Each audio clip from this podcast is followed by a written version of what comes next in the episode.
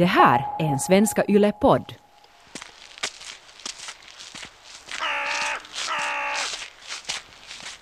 Allting började med ett brev i februari.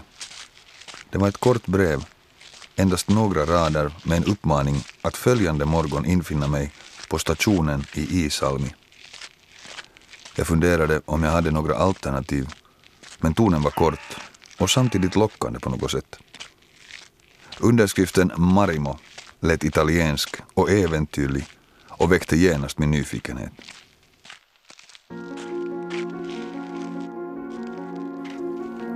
I början av 50-talet höll Finland på att återhämta sig från krigets umbäranden.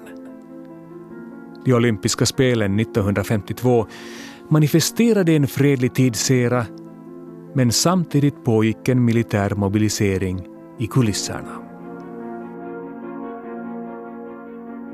Kalla kriget kastade sin kyliga skugga över den krigströtta nationen men för att hålla sig ajour med vad som hände bakom östgränsen och för att avvärja en eventuell östlig attack inleddes en hemlig operation där norsk underrättelsetjänst hade en central roll. Du lyssnar på del 1 av Svenska Yles podcast Operation Uppsala, berättelsen om en finsk spion. Mitt namn är Petter Lindberg. Hur kommer det sig att ett NATO-land utbildade finska agenter? Vad skulle de användas till? Och vad var det som fick den hemförlovade soldaten Lauri Solehmainen att i februari år 1952 kasta sig ut i det okända?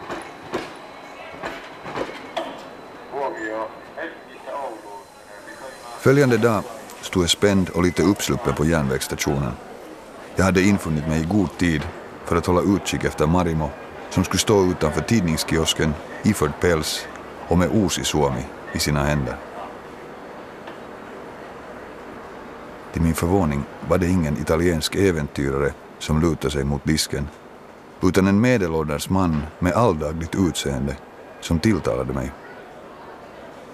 Det är jag som är Marimo, sa han och tillade att han hade bruk för en man som utmärkt sig i kriget och som dessutom var ungkarl. Jag undrar hur han visste så mycket om mig, men han spände bara blicken i mig och undrade om jag ville åka till Murmansk.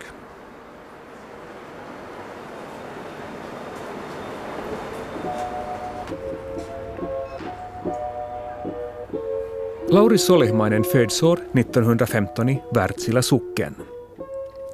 Uppväxtåren i Karelen kantas av fattigdom och ovisshet men krigsutbrottet 1939 innebär paradoxalt nog en vändning. Lauris Solehmainen utmärker sig för sin djärvhet och uthållighet och befordras till kapten. När kriget är över väntar åter vardagen. Efter krigsåren fördriver han som gränsvakt och skogshuggare men inget verkar riktigt intressera en man som är van att kriga. I februari år 1952 får Lauri Solehmainen ändå ett oväntat anbud att åka till Murmansk. Finlands eh, VSBF-pakten var inte likadan än i så, så kallade folkdemokratier, men ändå militärt sett Finland tillhörde i Sovjets intressesfär.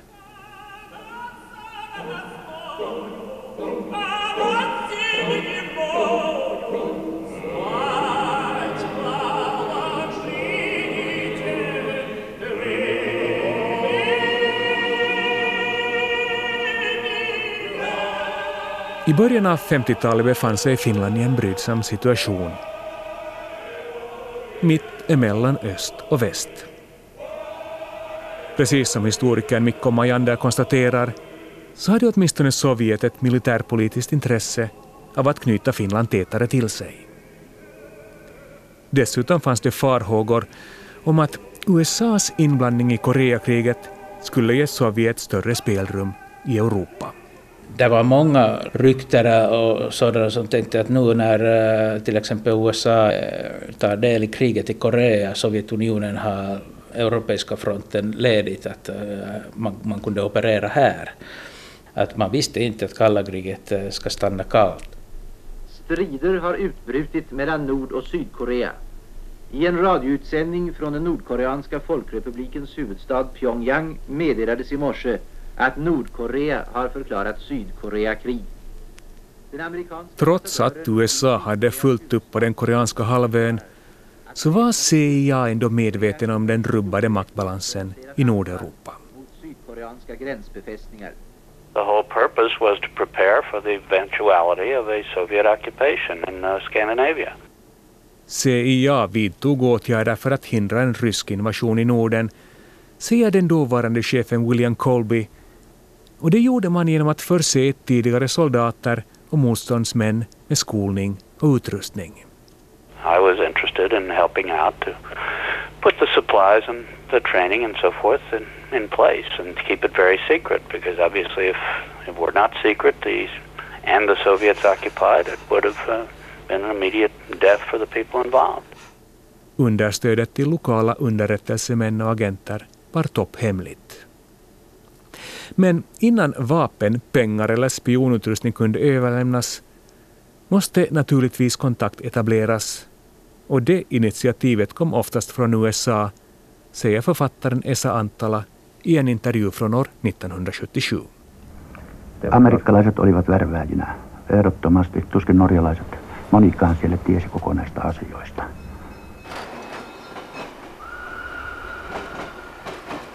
När Lauri Solehmainen i februari år 1952 värvades på järnvägsstationen Idensalmi var kontaktmannen finsk. Men initiativet till det hemliga uppdraget kom från Norge och USA. Murmansk. Jag måste ha uttalat ordet alldeles för högt.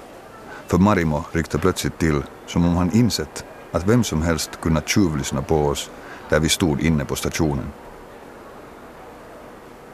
Sakta började vi vandra mot utgången. Jag tänkte att de påbyltade savolaxarna som passerade oss knappast hade lust att åka till ett kyligt Murmansk. Marimo såg sig om, sänkte rösten och började tala om järnvägsförbindelser, flygfält, vägar och bebyggelse. Jag lyssnade förstrött.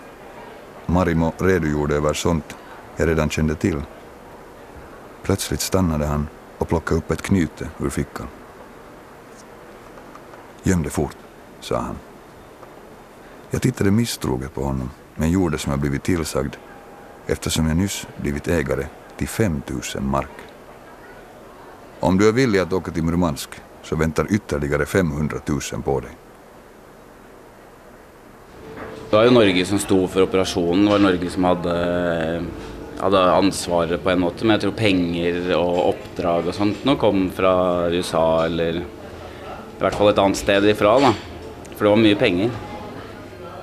500 000 mark var mycket pengar på 50-talet, konstaterar redaktören Magnus Bratten, som intresserat sig för Operation Uppsala i och med att hans egen morfar, Magnus Bratten den äldre, var en av nyckelfigurerna.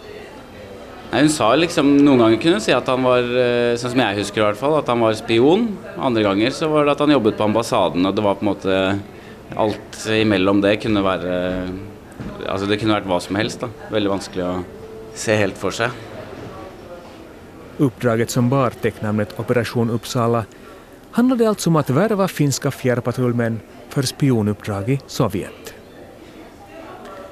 Den hemliga planen var både farlig och politiskt känslig och spionchefen fick gå varsamt fram, säger Magnus Bratten om sin morfar som var stationerad som spionchef i Helsingfors åren 1950 till 55.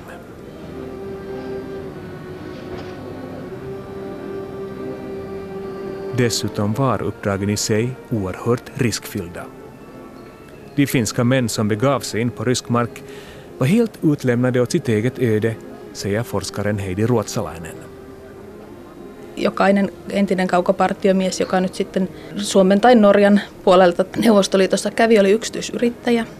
Ja sen jälkeen, jos jäit kiinni, niin, niin kuin nyt yleensä vakojan kohtalo on, mikä se on, niin ei, eipä heitä tulla tunnustamaan ja yleensä auttamaan. De finska spionerna var ett slags egenföretagare som inte kunde räkna med hjälp ifall de åkte fast. Men många var beredda att ta risken, i synnerhet som det fanns en frikostig norsk uppdragsgivare som redan i slutet av 40-talet börjat intressera sig för Finlands strategiska läge och långa relation med grannen i öst.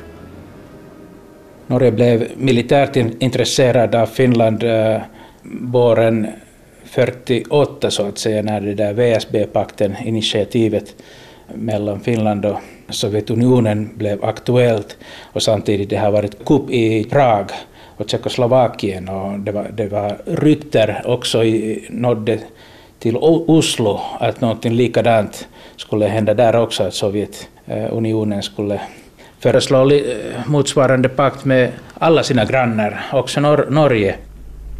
Suomen ja Neuvostoliiton välisen ystävyys ja yhteistoiminta sekä avunantosopimuksen allekirjoittaminen kuuluu suomalais-venäläisten suhteiden suuriin tapauksiin.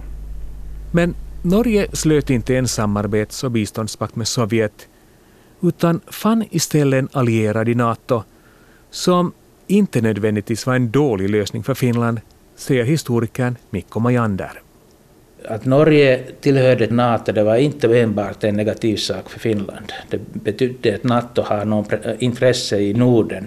Att det var lättnad att Sverige inte anslöt sig till, till NATO. Att då kanske Sovjetunionen kan vara nöjd med inte maximalt säkerhetsbehov i Finland utan minimum som var VSB-pakten så att säga. Finlands utrikespolitik vilade alltså på en pakt initierad av Sovjet, men samtidigt innebar samarbete med neutrala Sverige och NATO-medlemmen Norge att Finland under sent 40-tal och tidigt 50-tal hamnade mellan två politiska block. Om man vill bevisa västvärlden att vi, Finland tillhör inte i samma kategori som folkdemokratier det var inte en dålig sak att västvärlden visade lite intresse i Finland. Och det här är just samma skede då eh, amerikanerna börjar stödja till exempel Socialdemokraterna i Finland som hade ett eh, minoritetsregeringen här. Och man måste visa att eh, liksom Finlands demokratin är stark nog att slå både kommunismen och att det finns resistans mot Sovjets tryck så att säga. Ett sätt att gardera sig mot Sovjets expansionspolitik var att söka allierade i väst och i yttersta hemlighet även spionera på grannen i öster. Tiedusteluverkostot oli ajettu alas, kokenutta henkilökuntaa oli, tiedusteluhenkilökunta oli ympäri Eurooppaa, niin eihän sellaista nosteta hetkessä takaisin jaloilleen tietenkään. Ja, ja tässä suhteessa sitten oli myös turvallisempaa operoida tavallaan toisen toimijan kautta. Eftersom underrättelseverksamheten hade avvecklats efter andra världskriget var utomstående hjälp mer än välkommen, säger Heidi Ruotsalainen som är forskare på Militärhögskolan. Dessutom var det tryggare att alliera sig med till exempel norrmännen.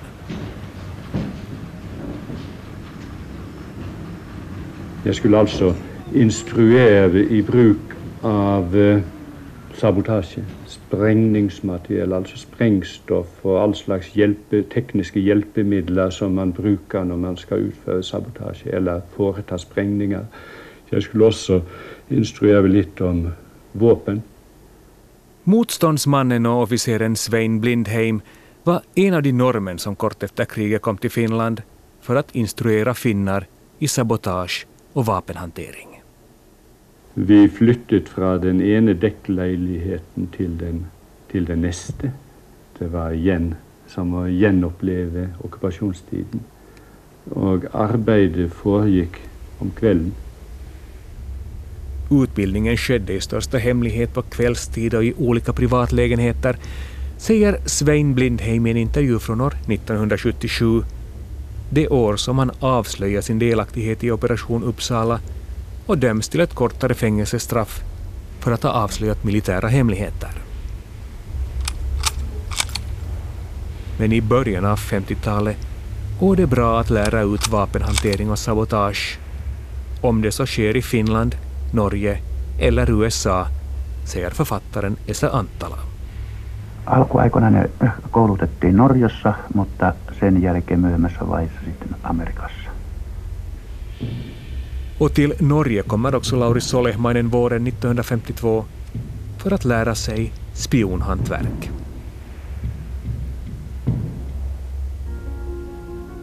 Jag visste knappt vad jag gett mig in på. Men innan jag visste ordet av var jag på väg till Norge. Jag hade införskaffat pass och kvitterat ut biljetter av Marimo, som i verkligheten hette Erkki Tuomi och var något slags förbindelseman. Förutom biljetterna gav han mig också detaljerad information om hur jag först skulle åka tåg till Helsingfors och därifrån vidare med flyg till Stockholm.